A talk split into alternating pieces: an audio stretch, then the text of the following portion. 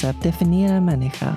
Eller är det årsringarna som formar oss? Hur påverkar miljöer och människor oss? Hur påverkas våra vägval av våra förutsättningar? Jag som driver soluret heter Jasmine Nilsson och jag är nyfiken på vad som formar oss till de vi är. I soluret möter jag människor från alla samhällsskikt och med varje livshistoria belyses olika ämnen. Välkommen till avsnitt 106. Soluret görs i samarbete med det internationella hjälpmedelsföretaget Invacare och rullarnas personliga assistans. Idag får ni möta Daniel Bergman. Mitt i livet som framgångsrik filmregissör lämnade Daniel filmbranschen för att skola om sig till ambulanssjuksköterska. Efter 15 år tvingades han sluta på grund av två livshotande diagnoser. År 2021 bytte han bana igen och debuterade som författare till biografin Hjärtat. Här kommer Daniel.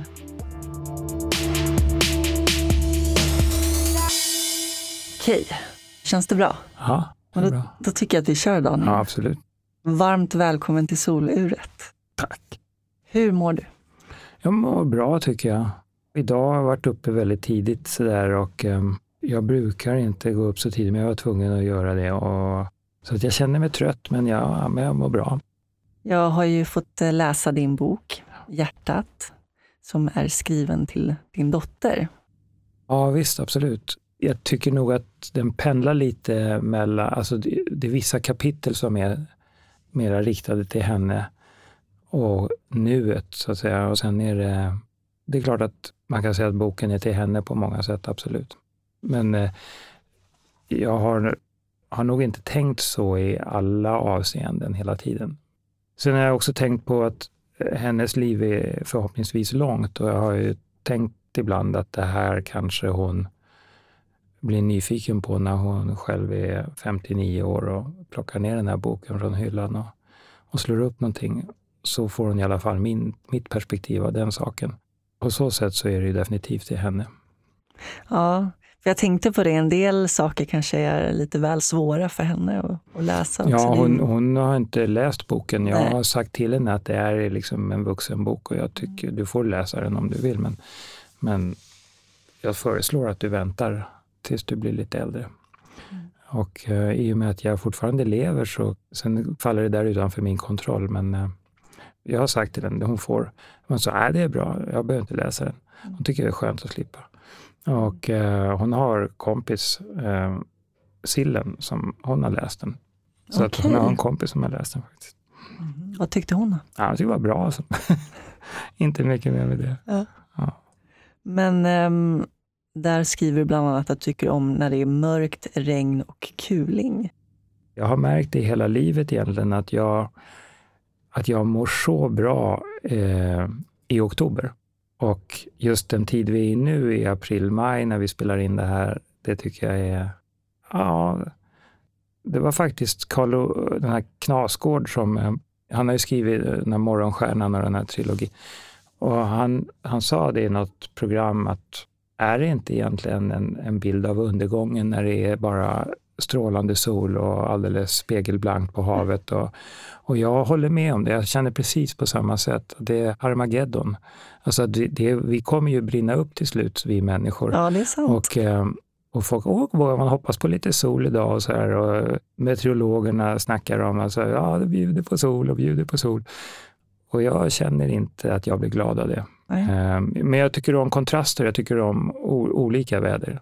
Så att när det fastnar högtryck som det har gjort ganska ofta här nu sista åren så är det inte bra tycker jag. Och dessutom är det så att jag har en sjukdom som heter MS och den är värmekänslig. Så att jag, jag blir mycket sämre när det är varmt. På vilket sätt? Nej, men jag, får, jag blir trött så in i helvete och jag får svårare att gå helt enkelt, svårare att röra mig. Jag blir utslagen. Och när det är så här 30, över 30 grader, då, då funkar inte jag. Nej. Och det har till och med varit så en sommar att jag var tvungen att, att liksom slå på AC'n och ligga. Jag har världens utsikt, jag har massa med vatten och segelbåtar och grejer. Så jag fick ju ligga där i kylan och titta ut på soldiset och alla människor som var ute. Och det kändes eh, ganska hårt. Tidigare i livet har jag aldrig ens reflekterat över vädret och har jag varit i Indien så har jag varit helt obesvärad av det och har jag varit i kalla länder så har jag varit obesvärad av det. Så att, och jag märker också att, att jag kan bli på jävligt gott humör när det stormar och när det, naturen visar sig liksom kraftfull. Ja. Mm. Jag håller med dig. Alltså jag föredrar också Känner likadant. mörkret, lugnet. Det känns som att man får mer tid till eftertanke på något vis. Ja. Alltså, jag tror att med mig, när våren kommer, mm. då känns det som att det byggs upp så mycket förväntningar. Ja, jag tycker också att eh, jag är väldigt känslig för förväntningar. Jag brukar försöka plocka bort sånt i möjligaste mån. Och eh, det var någon som sa att när det är sol ute, att det blir så uppfordrande väder. Ja, precis. Det, det, det, det bra, jag... bra benämning. Sen tycker jag att det är ganska häftigt med, med våren när den kommer i Sverige. Därför att det är klart att folk blir som eh, kåta kaniner och ger sig ut och klär av sig. Och det finns en lyckokänsla i våren också som, och allting spricker ut och som är, det är väldigt påtagligt och jag kan åka med i den där känslan också ibland.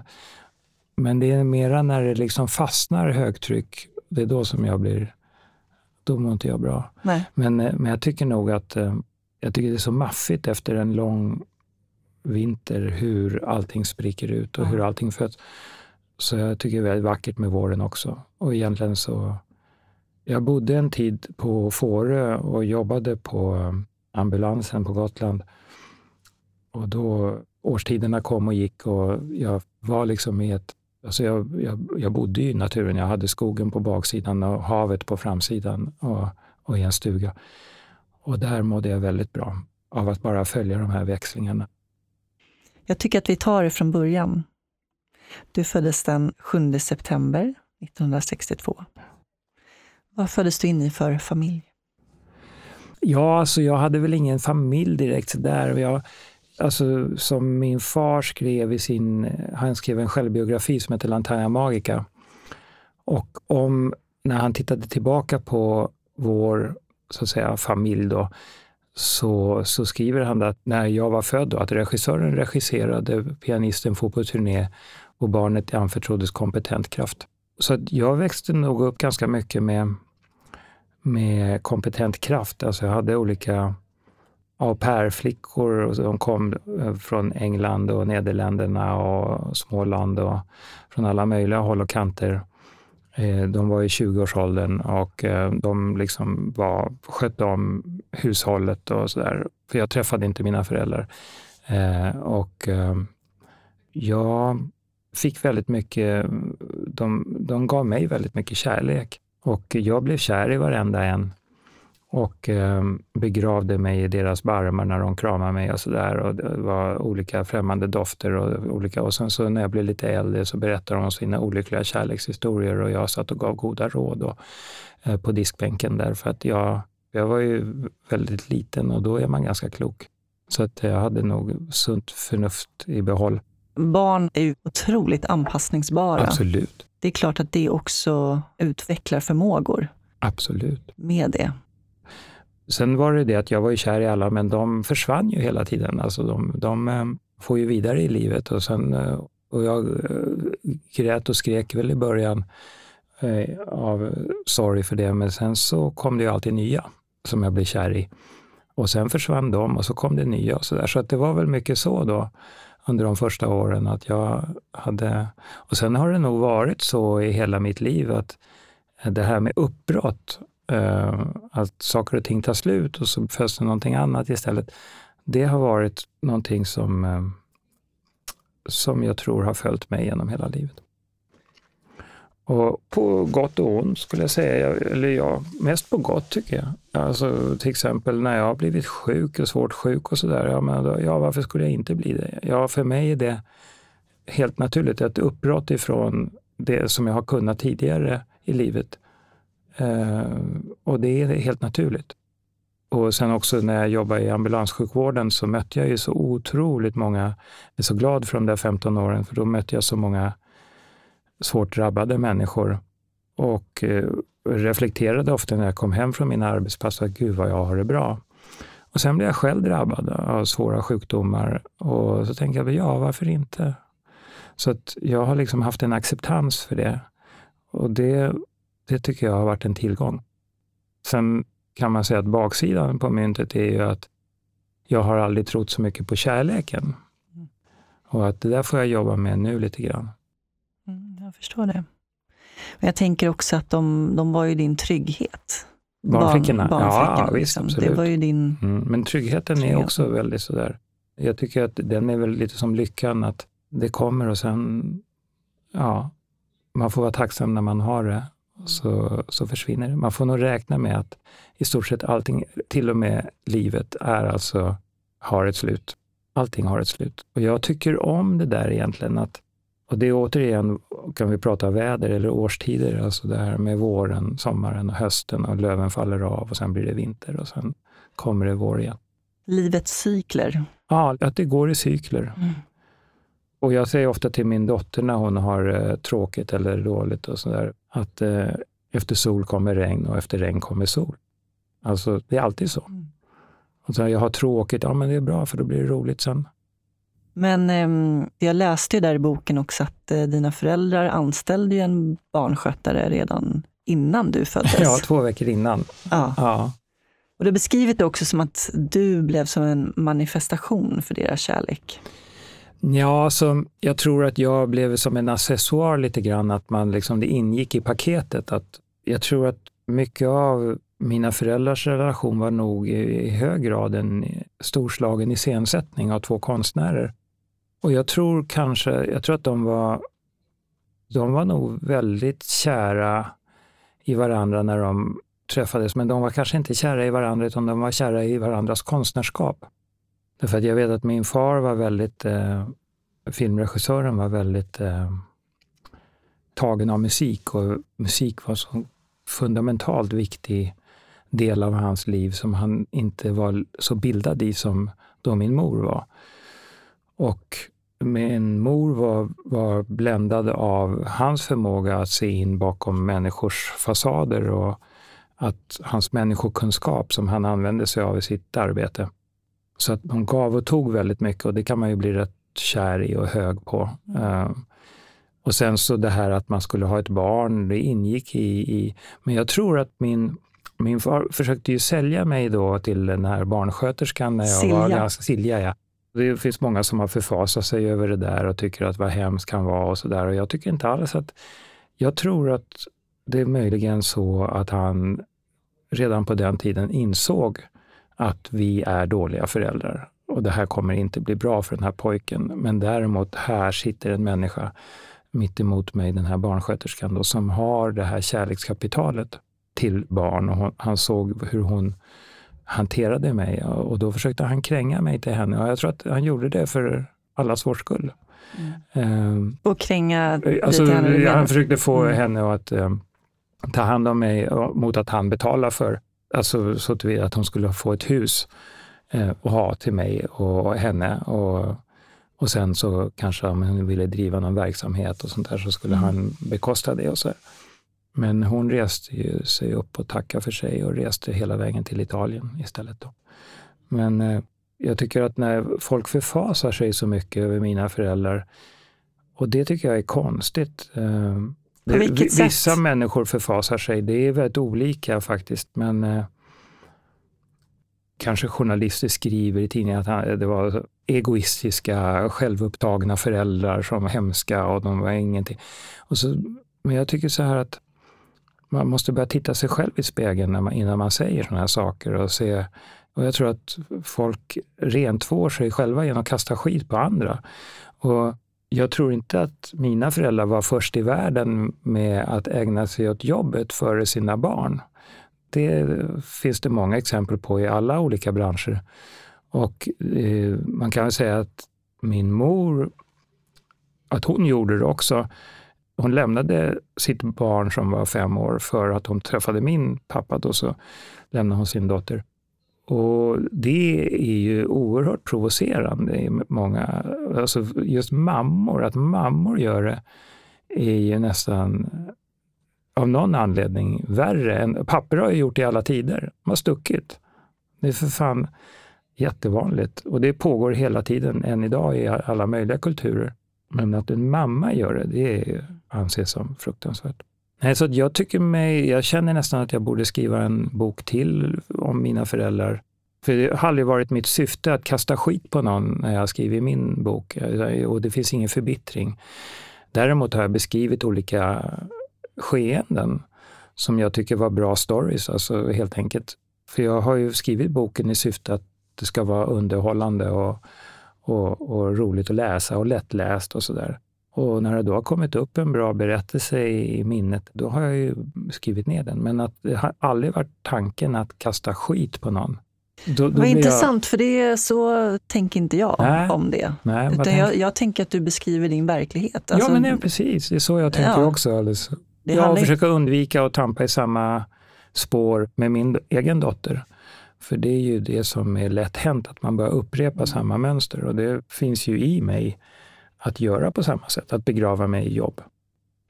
Mina föräldrar de träffades på Konstfack och eh, de blev kära i det här konstnärsskapet och det kreativa skapandet, hippiekulturen och allt det där föddes jag in i. Men ehm, förmågan att ta hand om ett barn, att ta ansvar. Ja, min far han hamnade i missbruksproblem och eh, mamma många gånger i psykisk ohälsa. Så ja, man fick eh, ta vara på sig själv, eh, bli självständig fort i livet. Du skriver ju mycket om ensamhet också i boken. Mm. Som liten, kände du dig ensam? Jag håller faktiskt på och skriver om ensamhet nu och försöker skriva en ny bok, men jag vet inte om jag kommer lyckas. Men som barn vet jag inte. Jag skriver inte en, eh, jag vill inte skriva en repris. Om, men jag kommer inte ihåg att jag kände mig ensam. Nej, jag tror inte det.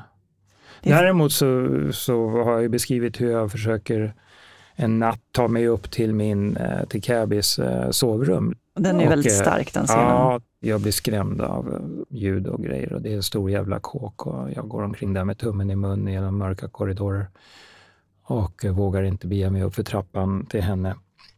För jag vet inte heller vad jag kommer möta där uppe. Så att det är klart att det måste väl ha funnits någon slags, eh, i det så finns det väl en slags ensamhet. Eh, eller en längtan i alla fall. Mm. Så det, det, är möjligt, men, men jag, det är ingenting som jag liksom går och tänker på eller minns att, mm. att jag var så ensam som barn. Mm. Däremot så så umgicks jag inte så mycket med jämnåriga sen när jag, när jag kanske var från det jag träffade Nypan när jag var i 12-årsåldern. Och, och även redan som femåring så kom jag på mitt första biobesök och jag tog mig upp i maskinrummet och jag ville inte sitta ner i salongen utan jag ville vara i maskinrummet hos maskinisten. Och så. Mm. Jag hade ju förmånen att träffa Nypan som, som min far introducerade mig för, som var biomaskinist på Stockholms biografer och så, på Röda Kvarn då, och, och född 1916. Jag menar, han blev ju min första mentor så att säga. Och sen har jag hittat hela tiden var jag än har varit, ända upp i ambulansen så har jag haft folk som har varit förebilder för mig. Men du har alltid varit väldigt nyfiken, har jag ja, förstått det som. Ja, tänk, nyfiken person. Ja, det, har, det är en sån jättegåva som jag har haft. Det är jag väldigt tacksam för. Det är jag jätteglad för. För det genomsyrar ju ditt liv också. jag har fått dubbelseende. Jag måste blunda lite. Ja, gör det. Jag får sitta vi får ta en liten paus. Ja, drick lite vatten, det kan vara... Ja, jag tror det är min MS som har det. Jag hade det tidigare idag, men jag brukar gå över när jag sitter mm. Första gången jag hade det, det var när jag jobbade i ambulansen och innan jag visste att jag hade MS. Och så skulle jag köra in till sjukhuset, en patient som vi hade lastat precis, så fick jag plötsligt dubbelseende. Så jag körde med ett öga bara, för det gick att se bra med ett öga. Och sen så högg jag tag i någon AT-läkare där som gjorde stroke-test och grejer. Men sen gick det över. Och så hade jag ingen aning om vad det var, men det var nog min MS. Mm. Jag tror att det är trötthet som gör det.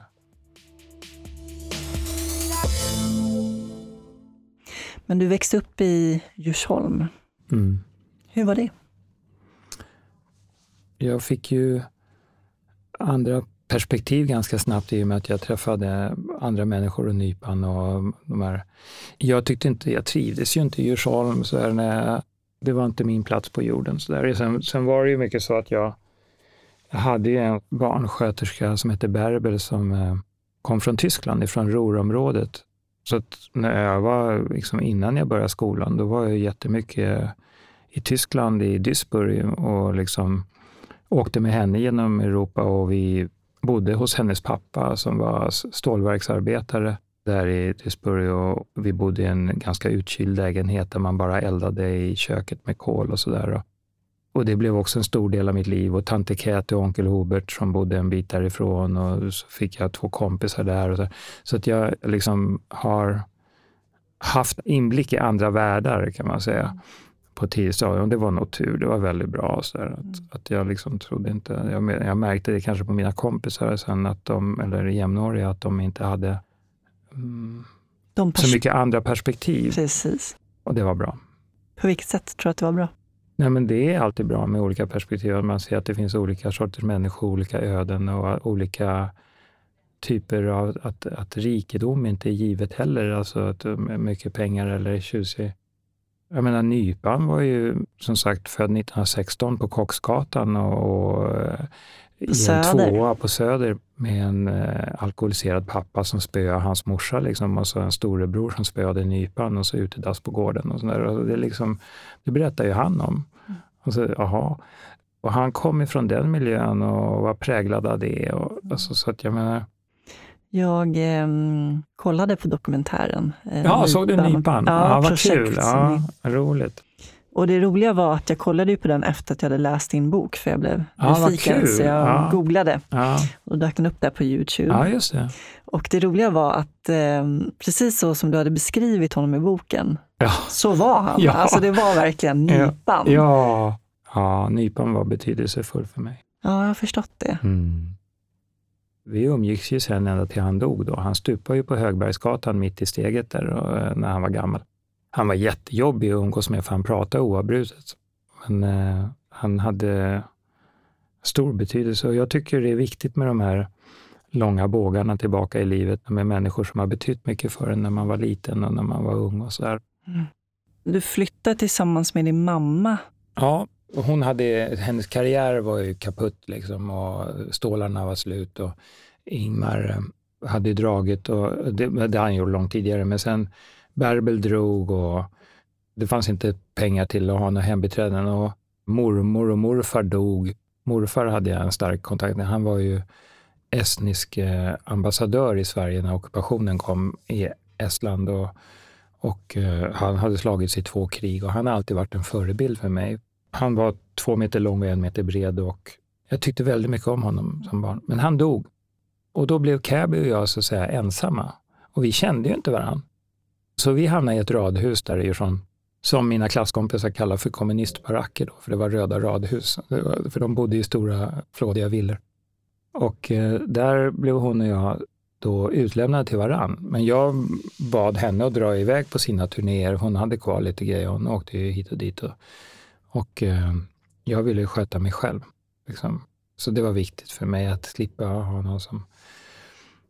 Men gjorde du det då? Ja, jag gjorde det. Ja, oh ja.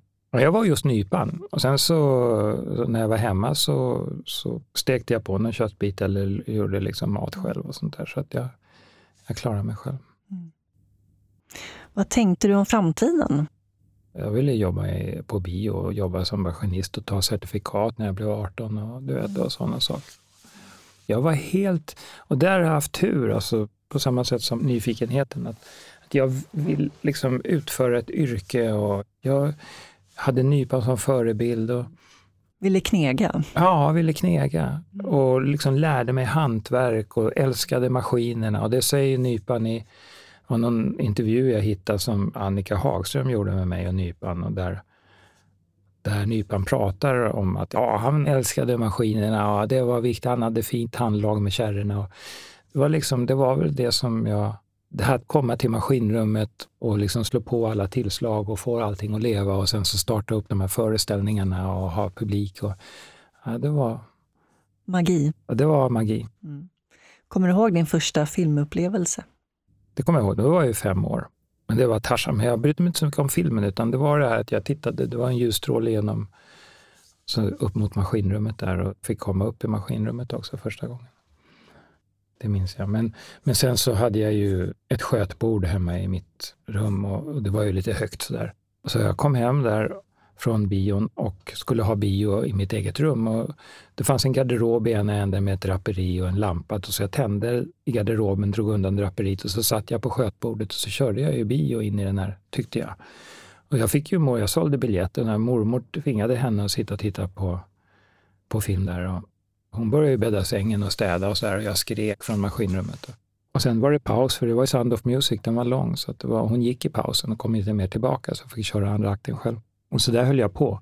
Tills Ingmar då hörde talas om det där och skrattade och sa att ja, fy fan, det är ett helvete att vara biografdirektör nu för tiden. Och så kom han med en 8 mm projektor, en sån här handladdad, alltså en riktig duk, så att jag fick lite Chaplin-filmer och lite sånt där. Så kunde jag köra en riktig, riktig bio. Och det är ju väldigt konstigt att jag liksom redan i den åldern var så uh, Intresserad av det? Ja, precis. Så jävla hooked alltså. Mm. Men jag vet att jag varierade. Jag åkte buss till exempel. Det fanns en buss som gick runt i Djursholm 616. Jag gick och ställde mig där som en liten knatte och frågade chauffören, får jag åka med här? Liksom. Så jag åkte ju bara med honom runt på hans jobb, liksom, fram och tillbaka. Och, och stod där i regnet och väntade på att det ska komma. Och, och sen när jag tröttnade på bussen så fanns det en tågstation i Roslagsbanan där och ställde jag mig där. Så frågade lokföraren, kan jag få åka med? Jag hoppade in, så här fick jag åka till Näsby park och sen tillbaka till Altorp och så fick jag hoppa av. Så gick jag över till andra sidan för att få åka med. Och sen var det en lokförare som tyckte liksom, ja du får hänga med till Östra station någon gång så här, och så fick jag åka med. Så att jag hade just det där med olika jobb som någon grej. Jag tycker också att det visar på en enorm drivkraft, alltså att du, du var modig. Mm. Alltså det är ju modigt av ett barn att bara gå fram och säga, får jag mm. åka med? Liksom. Ja, precis. Absolut. Ja, det är märkligt. Sen har man, har jag väl haft i hela mitt liv precis det som alla andra människor har. Men inte kan väl jag. Alltså man vill göra olika saker. Men jag kan ju inte. Ja, men när jag skulle göra min första kameraåkning som passare 1978 under inspelningen av Linus eller Tegelhusets hemlighet, så var min mentor som passare Pramis, han sa du kan få göra den här lilla justeringen. Ja, men inte kan väl jag. Men så gjorde jag det och så blev jag jättestolt. Och sen blev jag liksom, sen jobbade jag ju som passare i väldigt många år. Och sen skulle jag börja regissera, men inte kan väl jag det? Det kunde jag ju. Och sen skulle jag bli sjuksköterska, inte kan väl jag? Liksom. Ja, men det kunde jag. Så att jag menar, ja, det, det har varit så. Um, och så är det nu också, skriva, liksom, jag kan väl inte det. Eller föreläsa, jag kan inte det. Men det tror jag alla människor kan känna igen sig i. Det märkte jag, för jag föreläste om det, pratade om det, inte kan väl jag. Ja, det tror jag är väldigt vanligt. Ja, men det är på något sätt som att man får med sig det från med spenamjölken, liksom att, mm. att kanske också väldigt mycket i vår kultur att man ska inte hävda sig och man ska inte... Så här. Fast det där har ju inte jag haft så mycket. Jag har ju med mig hemifrån att folk tror på mig, så där kan ju vara väldigt mycket av modet kommer ju därifrån också mm. skulle jag tro. att Ja, det fanns ingen som hade negativa synpunkter på att jag var i maskinrum eller något sånt där. Tvärtom. De var ju glada att bli av med mig, så att jag menar, det är ju både gott och ont. Där. jag tror de var jättetacksamma mot Nypan. Jag vet att Käbi var ju enormt tacksam och pratade och han, nu ska jag ringa Käbi. Och så ringde han henne och sa, åh, är det Nypan? Och hon pratade med honom och kvittrade som fan. Och, ja, hon är så trevlig, din morsa. Liksom. Och, ja, hon var ju jättetacksam. Han, han tog ju hand om mig. Ja, vilken viktig person i ditt liv. Ja, verkligen. Först när jag var 12, jag började i maskinrummet då, men sen på somrarna, Ingmar såg ju att jag hade väldigt intresse så här, och han sa, du kanske vill vara med på inspelningen. Han skulle spela in Trollflöjten och sen och då, då fick jag vara med på Trollflöjten, det var 74 på sommaren. Och då tydde jag mig till teknikerna, till Stålis och Ankan och Lill-Stefan och Stor-Stefan. Jag var inte ett dugg intresserad av den kreativa delen, utan jag ville linda kablar och springa uppe på belysningsvinden 8,5 meter upp och de var ju glada att slippa det, så att de skickade mig på. Och så sommaren 74, sommaren 75 och sommaren 76, då var jag på filminspelning och sen på vinterhalvåret var jag i maskinrummet. Och sen gick ju inte jag i skolan egentligen. Och sen 77 så fick jag sluta skolan i åttan. Och då fick jag åka med till Norge och spela in Höstsonaten med Ingrid Bergman. Då. Och då träffade jag min passarmentor. Stor kille med tatueringar och liksom långt grått hår och mustasch och liksom guldkedjor och körde någon jävla sportmersa och han var jätteduktig på just det här med kameraåkning. Så jag fick en väldig respekt för det. Så utvecklade jag det och till slut så började jag få egna jobb som passare. Mm. Och så jobbade jag med det, tre, fyra långfilmer per år och dessemellan reklamfilmer. Det gjorde jag i många år. Tills jag 85 blev tillfrågad att göra alla åkningar åt Andrei Tarkovsky som var en rysk regissör. Man pratar om film som konst. Om man snackar film som konst så, så film kan vara mycket olika saker men mm. äh, han har gjort äh, Stalker och Spegeln och Nostalgia och Andrei Rublev och alltså, stora filmklassiker i Sovjet. Men man pratar om Fellini, Bergman, Tarkovsky, eh, Kurosawa. Liksom, det var de här killarna. Men Tarkovsky var speciell på det sättet att han hade ju, han byggde sina, alltså det var långa, långa, långa eh, scener och långa tagningar och det var alltid en, en lång kameraåkning. Så att i princip så, som passade så opererade man kameran kan man säga. För fotografen fick inte göra panoreringar eller tiltningar. Det var verkligen så här, inte kan väl jag. För att det var, jag hade ju sett hans grejer och jag hade också tittat på hans senaste film som han gjorde i Italien, Nostalgia. Och tänkte helvete vad de kunde. Och jag förstod utmaningen. Och han var på mig som fan hela den inspelningen. Och skällde och han höll på. Liksom. Men det var kompromisslöst och jag lyckades. Jag gjorde den där, hela den filmen. Och det var efter den filmen, jag hade väl liksom känt det redan tidigare eftersom som passare så jobbar man vid kameran hela tiden. Så man ser ju hur regissör och fotograf pratar och man hör ser hur de jobbar med skådespel, hur, hur allting liksom skapas eh, ifrån grunden. Alltså jag har ju läst manus, man vet precis allting. Men sen så var ju ofta jag tänkte, ah, det här skulle jag ju gjort bättre själv. Alltså. För vi tekniker pratade ofta om det. Fan, liksom, hur de löste det där, det var ju jävla konstigt. Alltså. Men efter offret då, då kände jag så här, nej, nu kan ju inte jag gå tillbaka och jobba med, med vanliga svenska regissörer igen. Jag jobbade med två filmer till. Jag jobbade med Mio min Mio då och då filmade vi i Sovjet. Så att, eh, vi var i Moskva och Jalta och på Krim där och, och Tjernobyl smällde. Så jag, jag var ju där precis körde min lastbil ner från, eh, från Sverige då till Jalta. Liksom, och det var innanför den här 10 mila gränsen satte upp från Kiev. Och förlåt, det är medicindags. Ja, ja, vad bra att du har den påminnelsen. Ja, jag måste det, annars hade jag glömt bort det helt och hållet. Um, förlåt mig. Nej, men det är ingen fara. Medicin är livsviktigt. Ja, det måste jag ta. Ja, det är viktigt. Jag ska inte börja berätta stories på det sättet, men eller det kanske jag ska. Men jag, vet. jag tycker om det. Ja, bra. Men vi håller ju på jättelänge. Det kommer få ett helvete att klippa det. Nej då. Kanske ska gå och kissa också. Nu tar vi en kort paus och ringer upp min samarbetspartner Invacare. Invacare Mikael Forsman. Tjenare Micke, det är Jasmin från Soluret här. Hallå där. Hur är läget? Jo, men just nu så måste jag väl säga att det är väldigt bra. Sitter här och väntar på att få gå på semester och solen skiner ute och nej, det finns inte mycket att klaga på. Härligt. Men eh, Micke, vad gör du för någonting på Invacare? Jag arbetar som produktchef, ansvarar för eldrivna rullstolar, skotrar, drivaggregat och även oxygenprodukterna. Är det något nytt på produktfronten? Ja, nu börjar det släppa lite grann efter. Det har ju varit väldigt påverkat av den här pandemin som vi precis har, kommit ur. All produktutveckling i princip avstannar ju. Men nu så, så är vi tillbaka på banan igen skulle jag säga. Så just nu så sitter jag faktiskt och, och jobbar med två stycken nya produkter som vi kommer att lansera här under hösten. Så det, det, ser vi verkligen fram emot. Det ska bli superkul. Spännande. Vi kommer nog visa det mesta på mässan under hösten i oktober här i Älvsjö. Och sen eh, strax efter sommaren så har vi Hjälpmedelsdagen också. Ja, men precis. Nationella hjälpmedelsdagen i år är den 23 september, vilket är en lördag. Vi kommer därför uppmärksamma den dagen redan den 22 september. Och det är ju en tradition som vi har haft nu sedan några år tillbaka ehm, däremot så, så satsar vi ju mestadels på att göra dem digitala nu så att så många som möjligt ska kunna ta del av det här. Och det kommer att vara en del eh, produktvisningar men som alltid också då även föreläsare. Bland annat då Claes Hultling som kommer att ha ett litet föredrag. Sen kommer du att vara lite delaktig också. Ja, precis. Jag kommer snacka om mina hjälpmedel. Ja, nej, så det är roligt. Ja, men du får ha en riktigt skön semester, Micke, och så hörs vi efter sommaren. Det gör vi verkligen och du ska också ha en skön semester. Tack så mycket.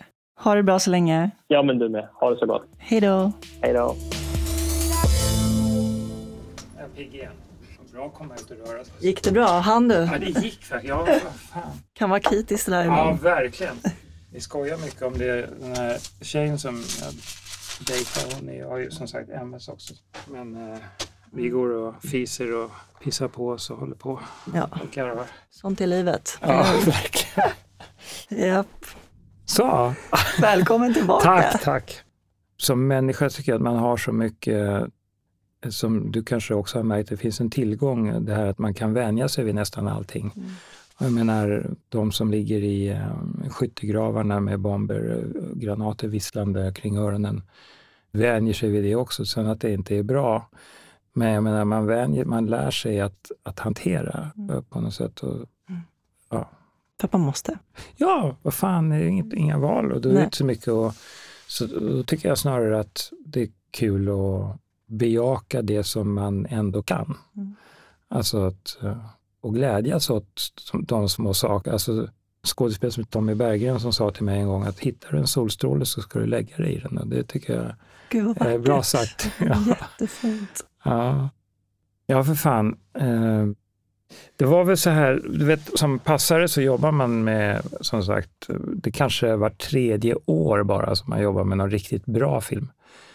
Jag menar, Fanny Alexander var bra, Offret var bra, Montenegro var bra. Alltså det finns några sådana som jag har jobbat med som jag känner man är stolt över att ha varit med och gjort. Men de flesta filmerna som görs i ett land, det gäller det är internationellt, är ju inte bra filmer. Alltså tyvärr. Vad är en bra film? För mig är det en film som är känslomässigt berörande, som gör att publiken drabbas på något sätt. Mm. Sen är det ju helt olika vad man drabbas av, men jag tycker huvudsakligen det finns en, en, en känsla investerad i det och som också Mm. väcker en känsla i bästa fall. Det är för bio för mig. I och med att jag fick jobba med offret så var det liksom Eh, piken på den karriären. Så att jag skrev ett manus då på, eh, på en novell som Kabi hade skrivit, som heter Ägget. Och den började jag jobba på att försöka finansiera. Då tänker alla så här, ja, Ingmar Bergmans son ska ha 300 000 för att göra sin debutkortfilm då. Och det kommer få kasta pengar efter honom, liksom, att det är hur lätt som helst. Men det var ju inte lätt alltså. Därför att eh, jag var känd i branschen som en duktig passare, men jag var ju inte känd som regissör och folk är ju livrädda för sina pengar. Så jag bombarderade finansiärerna med material och de tackade ju nej till det här. Sa att den där skiten kan vi inte göra. Och den där skiten då som gjordes, det var ju en väldigt konstig film. Den gjorde jag 86 då på hösten och den, det som hände då var att Berlin filmfestival valde ut den här att tävla i alltså, kortfilm. Och jag satt darrande i den här festivalpalats. Jag skakade hela kroppen. Alltså jag var jätteung och, och blivit utvald där. Jag, jag visste ju inte att det där med Berlin var så himla märkvärdigt, men det visade sig att det var ju det. Eh, och sen när filmen var slut, då började ju halva publiken att bua och andra halvan applådera, som de gör i Tyskland och ute i världen. Alltså, det är inte några snälla, artiga, trevliga. Eh, och sen var det presskonferens efteråt och den här visades som förfilm till en... Eh, långfilmen hette Walker och det var en regissör som hette John Cox, tror jag han hette. Och han hade ju blivit utbuad också och jag satt ju längst bak där och skulle upp sen på den här scenen. Men eh, de, det var ingen som brydde sig om ägget. Men det var en stor grej att den blev uttagen. Och det Såklart. gjorde, i svensk filmbransch gjorde att bolagen fick upp ögonen för mig. Mm. Och sen gjorde jag den här dokumentären om Nypan då, och sen, sen fick jag erbjudande att jobba med SF frågade vill du göra en Astrid Lindgren-berättelse. Liksom. De hade noveller hon hade skrivit, bland annat Kajsa Kavat, Mm. och den valde jag då. Och, Jag eh, älskar den när jag var liten. Ja, vad kul. Mm. Och sen en dag då kom Ingmar med en perm. Ja, han dängde den i bordet på Fårö där på köksbordet och sa att det här det ska vi göra tillsammans. Och du ska regissera de unga skådespelarna och jag ska ta dem Max von Sydow och, och, och de andra. Och, och jag bara, det här vill jag verkligen inte. Och eh, nu är du feg din jävel. Du är feg. Och feg, det får man ta med fan inte vara i den här branschen. Det ska du ha jävligt klart för dig. Och sådär.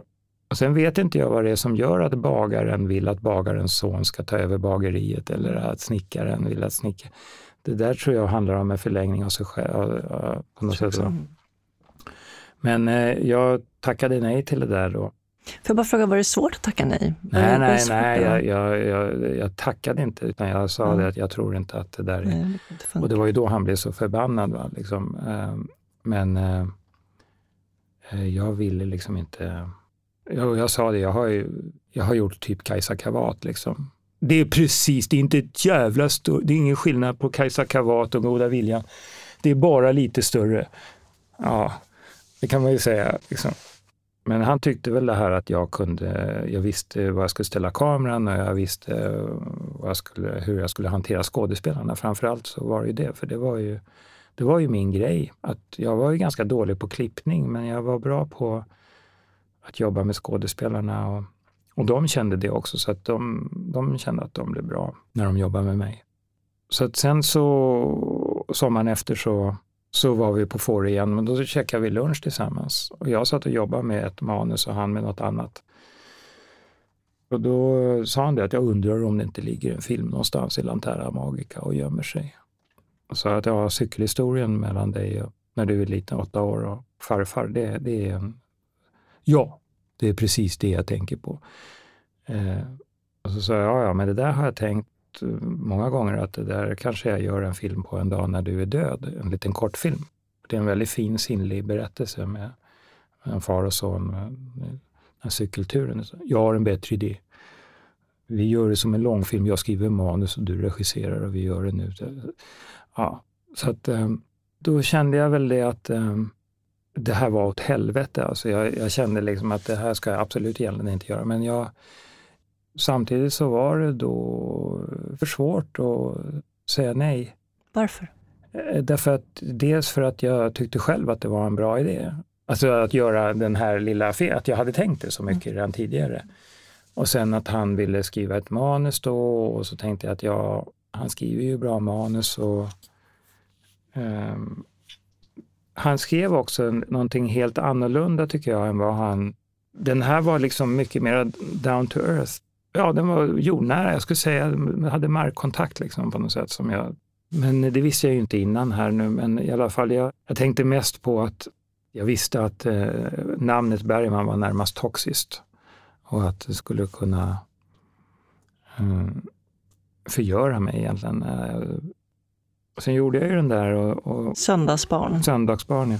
Och sen var det så att den blev väldigt uppmärksammad ute i världen och den gick inte så jättebra i Sverige. Men däremot i USA och Sydamerika och alla katolska länder, Spanien och Italien och Japan. Och den fick ju väldigt fina recensioner. Jag menar, New York Times skrev ju jättefint om den och, och sådär. Och det gjorde ju det att eh, Hollywood hade ju koll på European Talent. Så det, det, ledde ju till att jag fick manager och agent och, och de började ge, ge mig manus och alla är liksom, och jag åt lunch med alla möjliga skådespelare och det liksom, jag hamnade på en position som jag inte kände var kompatibel med mig själv.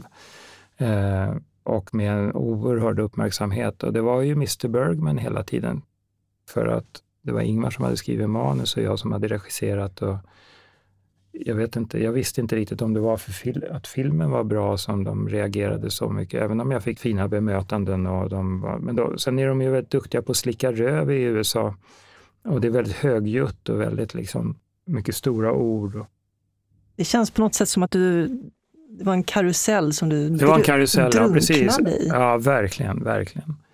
Du mådde fysiskt dåligt av det? Jag mådde riktigt dåligt av det där. Jag ville vara på Storholmen bara där jag bodde. Liksom, och sitta och snacka om eh, vardagen med Lilleman och Annie som eh, Du vet, man snackar om att ja, det är en räv på ön och, den liksom, och hönsen har värpt tolv ägg idag. Och så, där. Och, så att jag skickade tillbaka alla de här amerikanska manusen. Jag fick ju Sense and Sensibility och As Good As It Gets. Och... Livet från den ljusa sidan. Ja, precis. precis. Mm. Men jag var inte, jag ville inte vara där. Jag tyckte det var för bullrigt och, och jag ville komma tillbaka till den här genuina känslan som jag hade när jag gjorde Söndagsbarn. Och, och, så där. och jag hittade inte tillbaka i det. Så jag tror att Söndagsbarn var början till slutet på mitt eh, regisserande. Jag hade väldigt svårt att komma vidare, liksom, därför att jag, jag hamnade i en depression och mådde väldigt dåligt och gick i terapi och sådär. Men det, det, var jävligt bra, alltså, han var ju bra. Det var en bra terapeut. Det är svårt att hitta bra terapeuter. Ja. Än en gång så visar du ju på din drivkraft att ta tag i problemen mm. själv. Mm. Eh, för att kunna ta dig framåt. Ja, jag satt ju fast väldigt rejält. Mm. Alltså. Ja, det gjorde jag. Det gjorde jag. Man kan tycka att saker och ting är för jävligt, men man kanske inte ska sjunka för djupt i det för att då fast, man kör fast liksom. Uh, och ingen kommer att rädda den, utan det, man är väldigt ensam någonstans i livet. Det är ett livsvillkor, tror jag. Att vara ensam och försöka göra det så gott man kan. Liksom. Och framför allt att ge min egen dotter då någon form av verktyg för att hantera livet. Men det jag kan se att andra människor, många, gör, det är ju att man grämer sig eller, eller ägnar mycket tid åt förbiting. Jag pratar mycket med Vickan om det som jag träffar nu som också har MS. Hon är, vi har ju helt olika inställning till sjukdomen till exempel. Och sa senast innan jag åkte hit, jag önskar att du kunde gå eh, och jag bara, jag tänker inte på det viset. Jag tänker inte så att jag önskar att jag kunde gå. Det har jag lämnat bakom mig. Hon har sprungit maraton och varit jätteaktiv och seglat och håller på, så här, men nu kan hon inte det. Det är inte så att jag värjer mig, men jag, jag tycker på något sätt, jag frågar mig, vad ger det mig? Att ägna så mycket sorg eller Sen läste jag upp ett kapitel för henne ur boken som jag aldrig som jag inte har med i boken, som handlar okay. om en kollega till mig som heter Annika som var min favoritkollega. Och jag beskriver ett, eh, en tåghoppning som vi var på på T-centralen och hur vi jobbade och hur brandkillarna jobbade och hur poliserna jobbade och, och sen hur traumateamet jobbade inne på KS. Och, Alltså den här kedjan av kompetens som sätter, sätts in för att en människa har velat avsluta sitt liv. Och, och jag började storlipa när jag läste upp det där för henne. Mm. Och jätteförvånad blev jag. Eh, men det visar ju jättemycket hur jag saknar det jobbet och, och så. Den här. Eh, och den känslan släpper inte jag fram. Alltså det här att jag saknar jobbet. För, för jag saknar ambulansen väldigt mycket, men, men eh, jag kan ju inte och då tänker jag inte på det. Men då blev det ju så att det kom ju väldigt mycket tårar. Um, och det är ju hon som har sagt till mig att det, är det här med uppbrotten är ju någonting som du har lärt dig redan i tidig ålder och det är väl det som också kanske hjälper dig mycket. Mm. Eh, du förtränger det hellre? Jag förtränger, jag tycker liksom inte att jag tycker inte att jag gör det. Jag tycker bara att jag, jag, tänker, jag ägnar inte tankekraft åt det. Mm. Alltså jag, det, jag, det, känns ju inte så här, nu sitter jag och förtränger någonting, utan det känns ju som att jag liksom inte bara ägnar någon uppmärksamhet. Men det är ju en underliggande sorg med tanke på din reaktion absolut, också när du absolut. läste det. Men, men eh, det tror jag också är, man har underliggande. Mm. Så, men jag menar, okej, okay, terapi handlar om att lyfta fram alla sorger och sånt där. Det kan man ju göra, men jag tycker att i det att man känner att man sitter fast eller att någonting, att man börjar lida av sina egna förträngningar eller sorger eller någonting så, då måste man ju försöka dyka in i det. Men jag tänker lite så att för mig är det i alla fall så att, att det handlar om att hantera livet, att bara den här enkla tesen att det som jag kan göra någonting åt, det ska jag göra någonting åt. Alltså om jag har ett lidande eller jag har någonting svårt eller jag har en utmaning eller någonting. Kan jag göra något åt det så ska jag fan med göra allt för att göra någonting åt det. Men sånt som jag inte kan göra någonting åt, utan som jag bara måste, ja det gör jag bäst i att bara leva med och acceptera och trycka till mitt bröst rent av. Därför att jag, jag har en erfarenhet som, väldigt, som många andra inte har. Och jag, jag har. Det finns så mycket goda perspektiv med svårigheterna som, som jag faktiskt har glädje av också. Så försöker jag hantera livet i alla fall. Det hjälper ju. Men jag menar, här kan jag sitta och vara kaxig i poddstudion. Jag vet inte om det är så imorgon framför datorskärmen. Hur var det att bli pappa? Nej, men eh, alltså jag brydde mig inte om det där för att jag eh, begravde mig i jobb. Och det där var ju också en sån här intellektuellt beslut att nu ska jag bli pappa, nu ska jag göra barn. Därför att jag var på Fårö och eh, vi bodde där, jag och barnets mamma, i den här stugan med skogen på baksidan och havet på framsidan. Och hon stod inte ut längre. Hon sa det en vacker sommardag att nu, nu kommer jag att flytta till Stockholm för, och jag vill att du följer med och jag vill att vi skaffar ett barn. Och jag sa att eh, du vet att det är ju så här att man kan ju faktiskt bli kär i en plats också. Och jag är kär i den här platsen och jag, jag kommer att vara kvar här.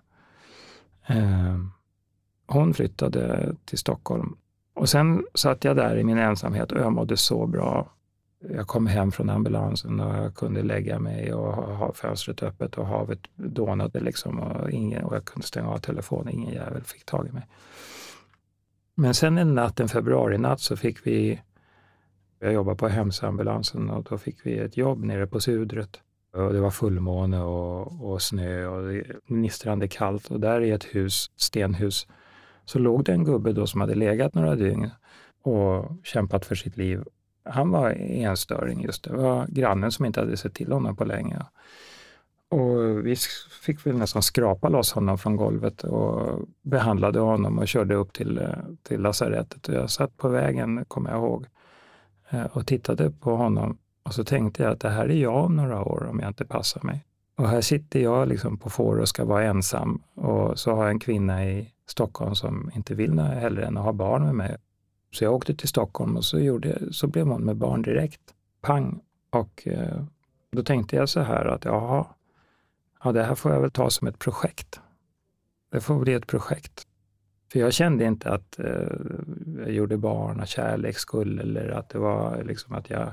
Det var också så att jag kände inte när barnet kom ut att jag älskade det här barnet direkt och jag hade inte det tillgång till de tjänsterna.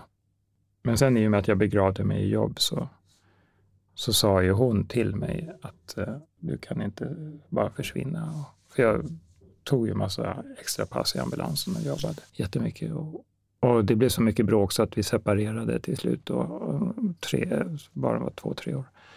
Och då började min dotter bo hos mig varannan vecka. Då började jag långsamt förstå vad kärlek egentligen handlar om. Därför att det handlar om att vara tillsammans och umgås och dela vardag. Så att jag började känna mig väldigt, väldigt, väldigt fäst vid min dotter. Och sen kom sjukdomen emellan så att vi eh, har inte kunnat bo ihop för att hon vågar inte bo hos mig längre. Eh, som jag fick så eh, livshotande hjärtarytmier. Och det kan man ju förstå.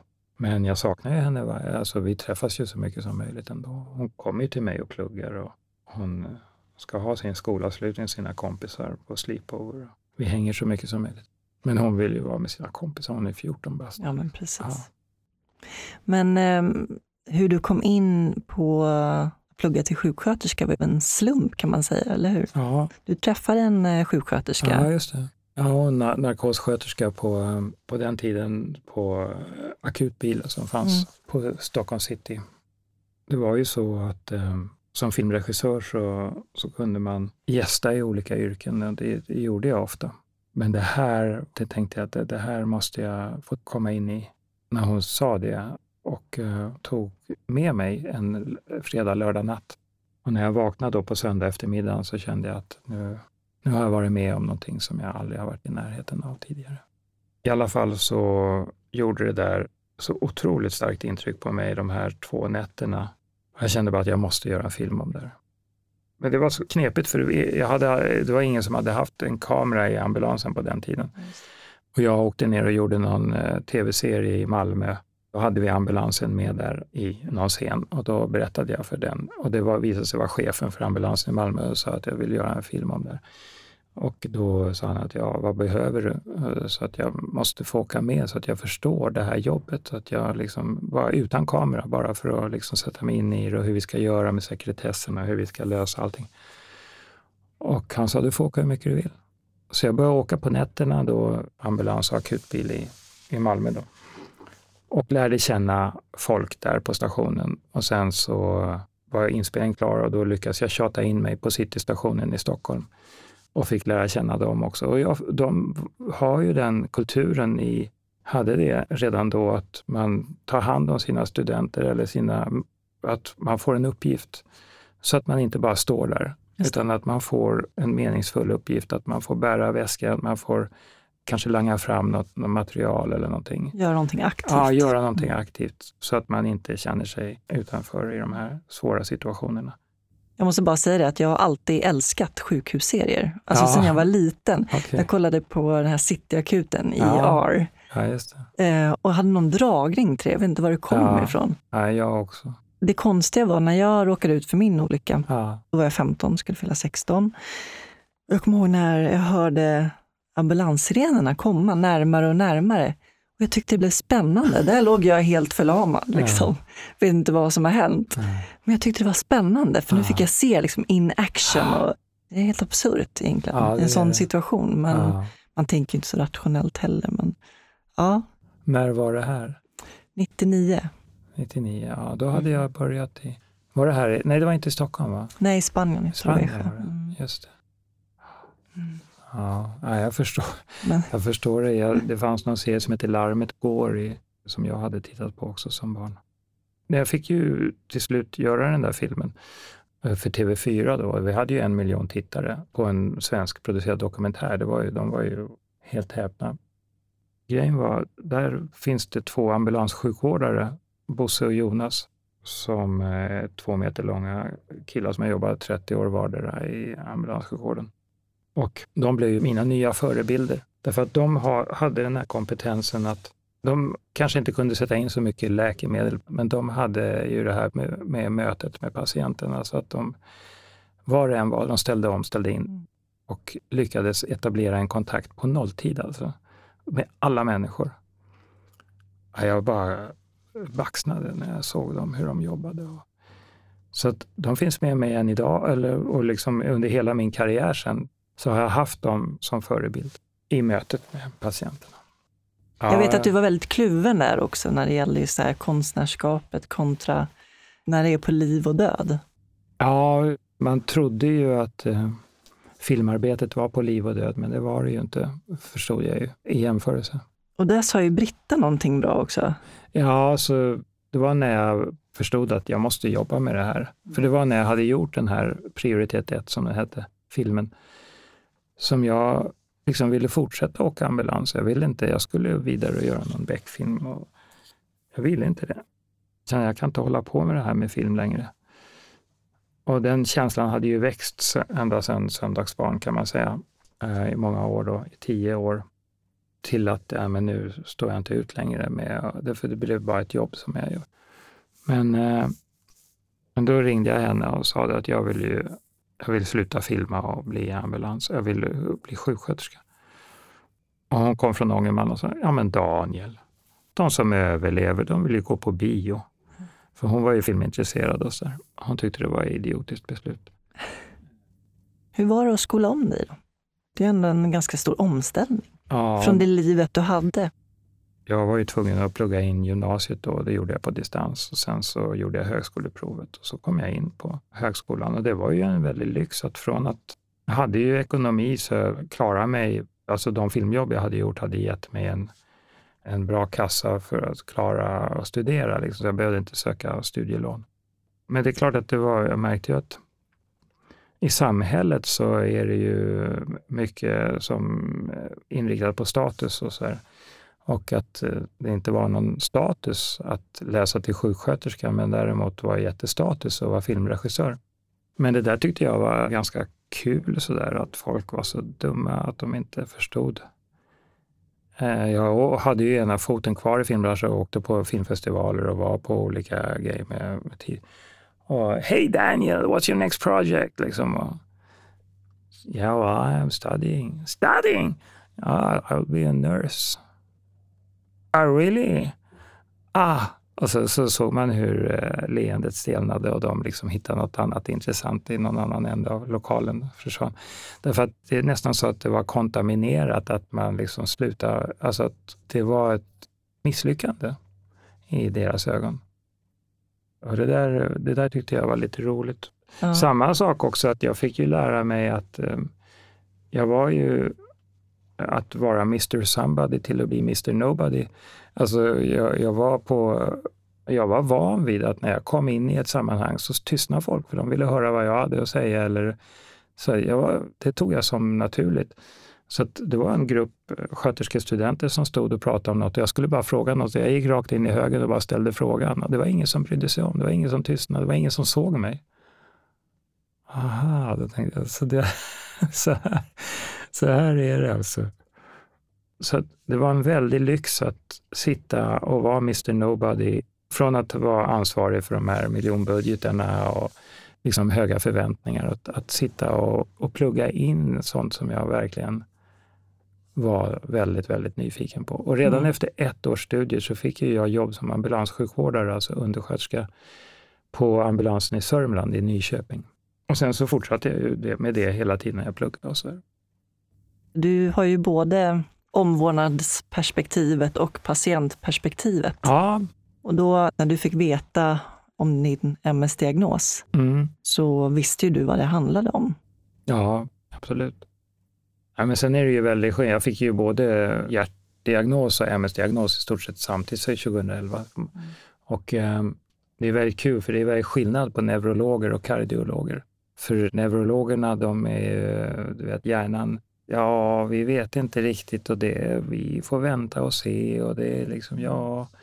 Medan kardiologer är som terriers, liksom pang, pang, pang, de ska behandla direkt och de kan göra allting.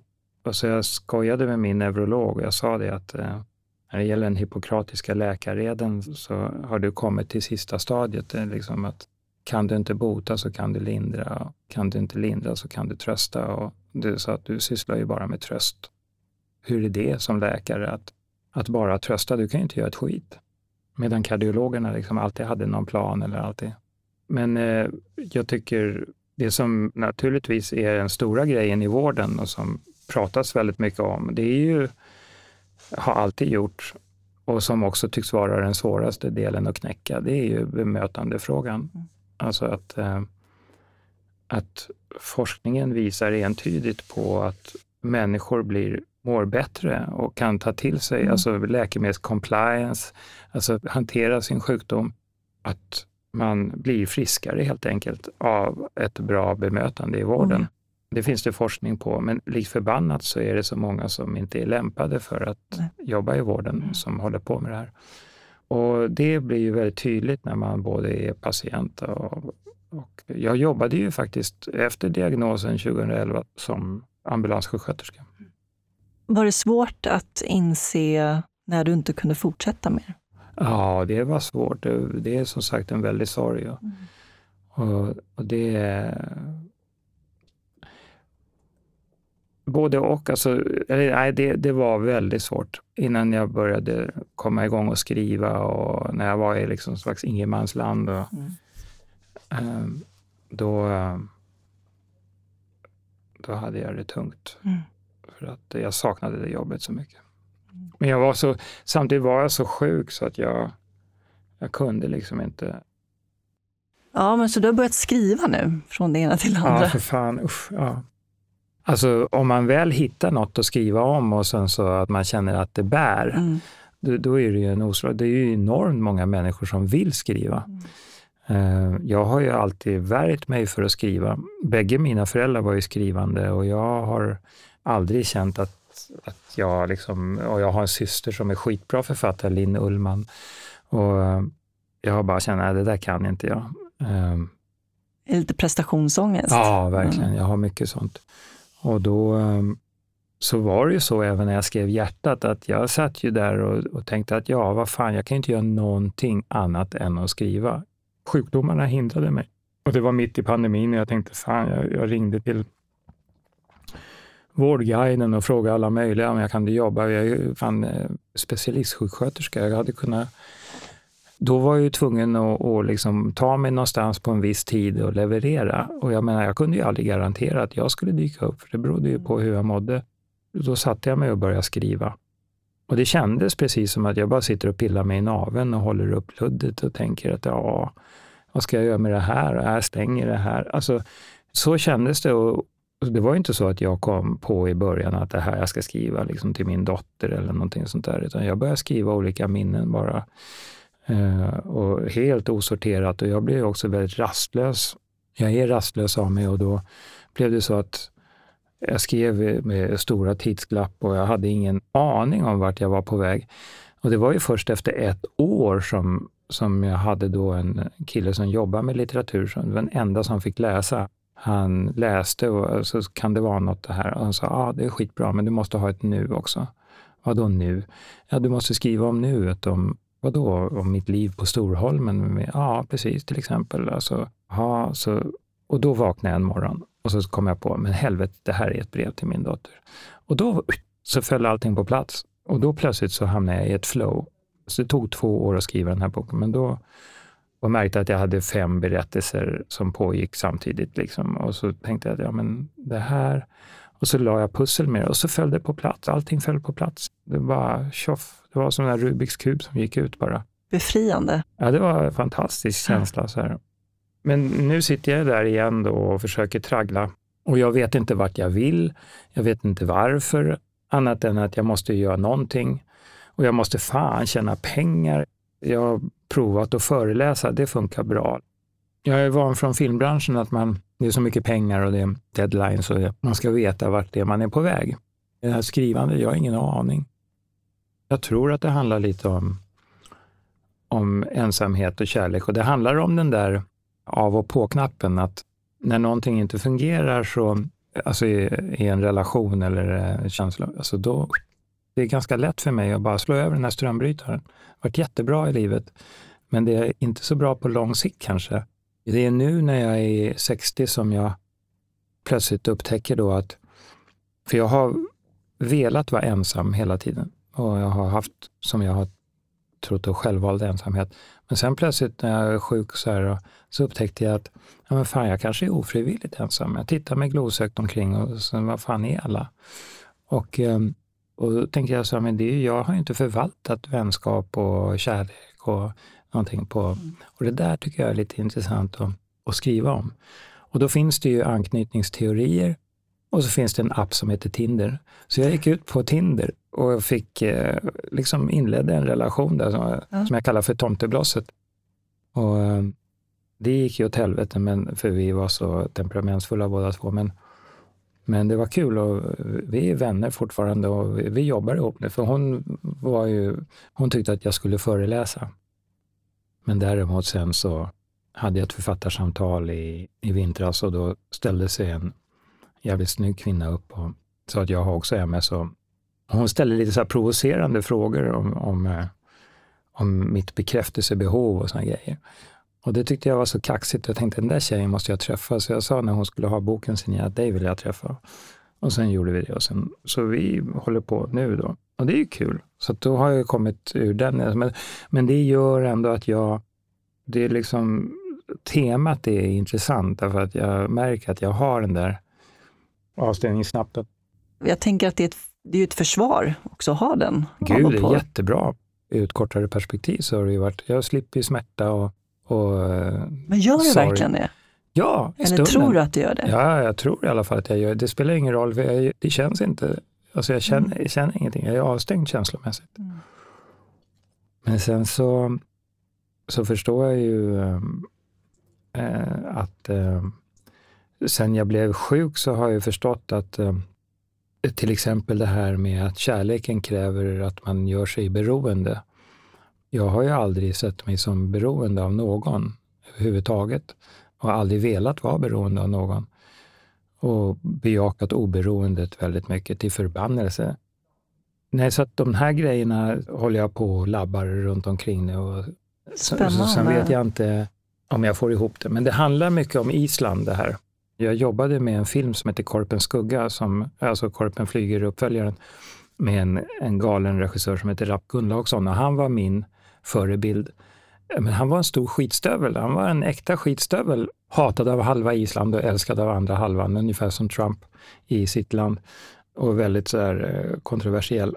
Men jag älskade honom och dyrkade honom och, och såg upp till honom. Varför såg jag upp till en sån skitstövel? Ja, Men han var ju, han hade, samtidigt hade han berättandet och han hade kunskapen om Island. Och där under den inspelningen träffade jag en kvinna som ringde en dag sen när det var slut mellan oss, men jag var, levde med, med Linda som, och sa att jag är gravid och det är du som är pappa. Och det är sjätte månaden, så det är för sent att göra någonting åt. Och, och liksom, jag gick in i den där historien med, med det här barnet då, och Melinda och jag tog hand om barnet. Och sen gjorde vi ett blodprov då efter tre månader, alltså faderskaps fick besked om att det måste göras om och så gjorde vi om det och då efter ett år, då, när barnet var ett år gammalt, så kom det ett besked att enligt blodprovsutlåtande si och så är ni utesluten som barnets far. Tack för er medverkan. Och, och jag hade den här strömbrytaren, jag stängde av både barnet och den där kvinnan och gick vidare. Men det här tycker jag också är någonting som jag ska försöka, som jag håller på och försöker, försöker minnas lite av. Väcka till liv. Väcka till liv. Mm. För du vet, när jag skrev Hjärtat, då ringde ju plötsligt Kärbys gamla läkare och terapeut och sa att ja, jag har en eh, jag har någon anledning så har jag texter som Käbi har skrivit. Hon skrev till exempel en dagbok 1962 som hon kallar min svarta bok, året jag föddes. Vill du ha den? Ja, ja verkligen. Och det kom ju till mig när jag satt och skrev. Och sen fick jag intervjua honom och prata med honom. Och sen ringer den här Siljas syster, Silja var död, och berättar den här historien om hur Ingmar försökte kränga mig. Och det bara kom i famnen på mig när jag mm. höll på med det. Och nu ringde Melinda, eller skickade plötsligt brev som jag hade skickat till henne. Eh, en tidigare flickvän ska vi säga. Ja, ja som mm. jag levde med. Och um, hon var ju väldigt med om det här med det här barnet, som inte var mitt barn och följde upp och åkte hem till den här kvinnan och försökte förstå och liksom hade samtal. Jag, ingen, jag, jag begravde mig i jobb, jag höll på... Ja, jag bara, så det är fantastiskt, det kommer bara. Och hon sa, men jag har ju massor med dagboksanteckningar, jag har ju brev från dig och brev till dig. Och sa, men gud, kom med dem. Och då kommer hon med dem. Och då plötsligt så, ja men här är någonting. Och det bara kommer till en. Mm. Det är fantastiskt. Känns som att det på något sätt är meningen. Ja, alltså jag tycker det. Är. Så att jag är ändå, jag tror att jag är och nosar på rätt mm. saker. Att det kan bli som det var med hjärtat, att, att det faller på plats så småningom. Ja. Vad innebär det för dig att vara människa? Alltså, jag tror att det beror helt på vem man frågar som sagt och du frågar ju mig då. Men eh, jag skulle säga att människan som 200 000 år har pendlat mellan lidande och njutning. Och så springer de emellan där, och lidande och lycka och, och allt mellan det. Så att jag tror att man rusar som en galning emellan de här två ytterligheterna hela tiden som människa. Alltså, man har förmågan till reflektion och, och sen tänker jag att eh, vi har den här makalöst kreativa kraften och samtidigt den ytterst destruktiva kraften. Alltså och så pendlar vi mellan det. Jag menar, jag tycker hela covidresan var en, en ganska intressant mänsklig studie, för att vi var ju blixtsnabba på att ta fram ett vaccin, men sen kunde vi inte hantera hur vi skulle administrera det. Eh, eftersom det handlar om att komma ner på fattiga och rika och, och sådär, på den nivån. Tror du på ett liv efter detta? Nej, absolut inte. Och jag är jättetacksam för att, jag, att det inte finns ett liv efter detta. Och jag, jag har jobbat så mycket med Ja, med döden och jag tycker så, jag tycker så fint med döden. Den är som födelsen. Alltså det, det är så jäkla fridfullt och så vackert. Alltså att vara i, tillsammans med någon som är död. Sen finns det ju hemska dödar och sådär. Så att egentligen så, döden är ju verkligen inte någonting som skrämmer mig annat än att jag är rädd för hur det ska gå för min dotter i den här världen. Sen är jag ju rädd för döendet. För det har jag ju förstått, det kan i mitt fall kommer vara ganska stökigt. Liksom. Jag har ju varit nära att stryka med några gånger nu. Så det... På grund av hjärtat? Ja, hjärtat. Mm. Jag tycker också att om man ska se på det ur det perspektivet så tycker jag på något sätt att det gäller att vi försöker ta hand om varandra och oss själva nu när vi lever i detta livet och inte bekymra oss så mycket för, eller inte tänka så mycket på nästa liv, utan var här och nu och lev. När känner du dig fri? I ensamhet. Nej, jag skojar. Nej, jag skojar. Jag vet inte. Nej, jag vet faktiskt inte. Nej. Nej. När känner du dig sårbar? Ja, alltså jag är väldigt sårbar när det är allt som gäller min dotter. När hon har motgångar och svårigheter så, så drabbar det mig med full kraft. Det påverkar mig väldigt mycket. Mm. Och hon sa en grej till en psykolog som hon träffade. Den här psykologen pratade om vad, vad är det värsta i ditt liv och men så sa hon, om du fick vara Gud för en dag, vad skulle du bestämma då? Och då sa hon omedelbart att pappa skulle bli frisk. Och då tänker man så här att det där, det är väldigt eh, gripande och också väldigt eh, svårt. Därför att jag vill ju att tankarna på mig ska vara roliga. Liksom, och, och det, det gör mig väldigt sårbar. Mm. Eh, därför att jag vill ju vara pappa och vara en bra pappa. Och eh, jag tror att jag är en ganska bra pappa, men jag skulle vilja ha ett eh, mycket större umgänge med henne än vad jag har. Vad drömmer du om? Nej, men det är väl just det då. Eh, alltså om man drömmer, om man tänker önskedrömmer om, jag vet inte. Alltså jag älskar vardagen. Om en dag bara fungerar, om jag kan komma upp på morgonen och träna och och sen äta frukost och sen få sitta och jobba och, och sen få vila och så ha någonting, något umgänge med min dotter och sådär. Och, och träffa kanske den här tjejen som jag träffar. Så, så är det ju liksom ett optimalt liv. Ta ett glas vin på kvällen och käka en middag tillsammans. Och så. Mm. Det är så oerhört enkla. Jag bor ju så bra. Jag har ju sån tur med mitt boende. Alltså jag, jag bor, just att jag bor i vattnet och i naturen och på en ö och har den här utsikten som jag än idag, jag har bott där sedan början på 90-talet. Och där är ju en fast punkt för mig. Så att om man pratar om de här uppbrotten genom livet så, så har jag ju aldrig brutit upp ifrån mitt hem. Det måste väl ändå vara en plats där du känner ja. dig fri? Ja, men, ja, det är möjligt. Jag har några antingen eller-frågor. Mm -hmm. Kaffe eller te? Ja, kaffe helst, men det beror på hjärtat. Stad eller landsbygd? Landsbygd. Bok eller film? Ja, just nu är det bok. Kött eller grönsaker? Kött. Planering eller spontanitet? Planering. Se eller höra? Se. Lyssna eller prata? Lyssna. Tack så jättemycket Daniel. Tack själv.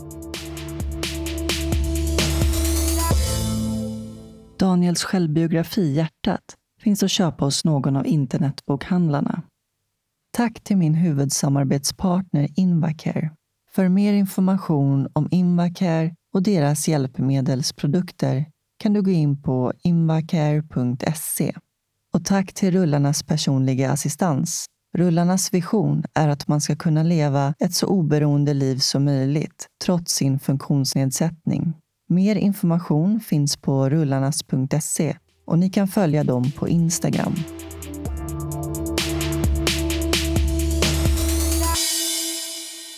Nu tar soluret ett kortare sommaruppehåll. Följ gärna soluret på Instagram eller Facebook. Ni kan prenumerera på Soluret och lyssna där poddar finns eller via hemsidan soluretpodd.se. Ha en riktigt skön sommar och ta hand om varandra där ute. Puss och kram, hej då!